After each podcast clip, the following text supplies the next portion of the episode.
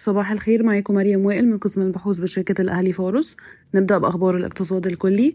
توقع رئيس صندوق مصر السيادي استثمارات خليجية تصل إلى نحو 4 مليار دولار خلال 12 شهر ضمن الحزمة الأولى من الطروحات الحكومية. وتخطط مصر لطرح حصص في 32 شركة مملوكة للحكومة سواء من خلال البورصة أو البيع لمستثمر استراتيجي ضمن اتفاقها مع صندوق النقد نهاية العام الماضي. توجد رغبة من مستثمرين قطريين للعودة للسوق المصرية خاصة في قطاعات اللوجستيات وتداول الحاويات والأسمدة والقطاعات التصديرية.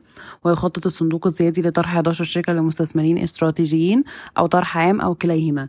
من خلال صندوق ما قبل الطروحات على أن يتم طرح ما بين 2 إلى 3 شركات خلال الشهر المقبل. من المقرر خلال أيام الإعلان عن ترسية استثمارات في سبع فنادق مملوكة لوزارة قطاع الأعمال العام. ننتقل لأخبار القطاعات والشركات تعتزم وزارة المالية بيع 10% من حصتها البالغة 80% في المصرية للاتصالات. رفعت شركة حديد عز سعر حديد التسليح بمقدار 2300 جنيه للطن إلى 29285 جنيه شامل ضريبة القيمة المضافة اعتبارا من 7 مارس 2023 وده زيادة 8.5% عن منتصف يناير 2023 أصدرت شركة مصر للألمنيوم ميزانيتها للسنة المالية 23-24 مستهدفة صافي ربح بعد الضريبة 3 مليار و500 مليون جنيه مقابل تقديرات ب 3 مليار 450 مليون جنيه في السنة المالية 22-23 و2 مليار و500 مليون جنيه مسجلة في السنة المالية 21-22 ومن المستهدف أن تصل الإيرادات إلى 26 مليار جنيه و600 مليون للسنة المالية 23 24 أعلى من الإيرادات المقدرة البالغة 20 ونص مل... 20 ونص مليار. في السنة المالية 22 23 وده زيادة 184% عن 14 ونص مليار. المسجلة في السنة المالية 21 22 تم تخطيط للميزانية بمتوسط سعر صرف يبلغ 30 جنيه للدولار على أن تستحوذ الصادرات على 62% من إجمالي المبيعات.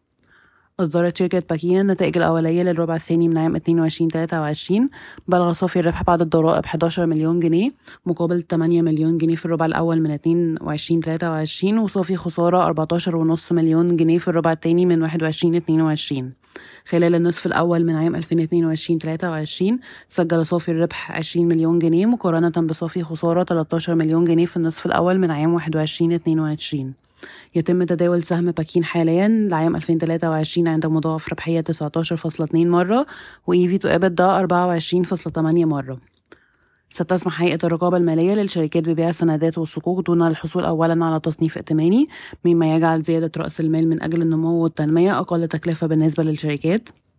سجلت شركة المطورون العرب القابضة خسارة صافية في الربع الرابع من عام 2022 بلغت 37 مليون جنيه. مقارنة بصافي ربح للربع الرابع من عام 2021 بقيمة 2 مليون جنيه مما رفع صافي خسارة السنة المالية 22 إلى 18 مليون جنيه. مقارنة بصافي ربح عام 2021 البالغ 93 مليون جنيه. اقترح مجلس الإدارة توزيع أسهم مجانية بنسبة 1 إلى 10 كما تلقت الشركة عرضا من شركة مهتمة بشراء كامل حصة المطورون العرب القابضة في شركاتها التابعة عامر سوريا مقابل 18 مليون دولار. اقترح مجلس إدارة شركة الشمس للإسكان والتعمير توزيعات أرباح نقدية بقيمة خمس قروش للسهم كتوزيع أولي بنسبة عائد على الأرباح فاصلة سبعة في المية. ناقش رئيس الوزراء سبل تعزيز سياحة اليخوت مع شركة طلعت مصطفى. ستتوقف شركة الأمل الوكيل المحلي لشركة لادا وبي واي دي وكينج لونج عن إنتاج عن إنتاجها بحلول منتصف مارس بسبب استفاز استنفاذ مكونات المخزون والإنتاج وعدم القدرة على الحصول على مكونات جديدة. شكرا ويوم سعيد.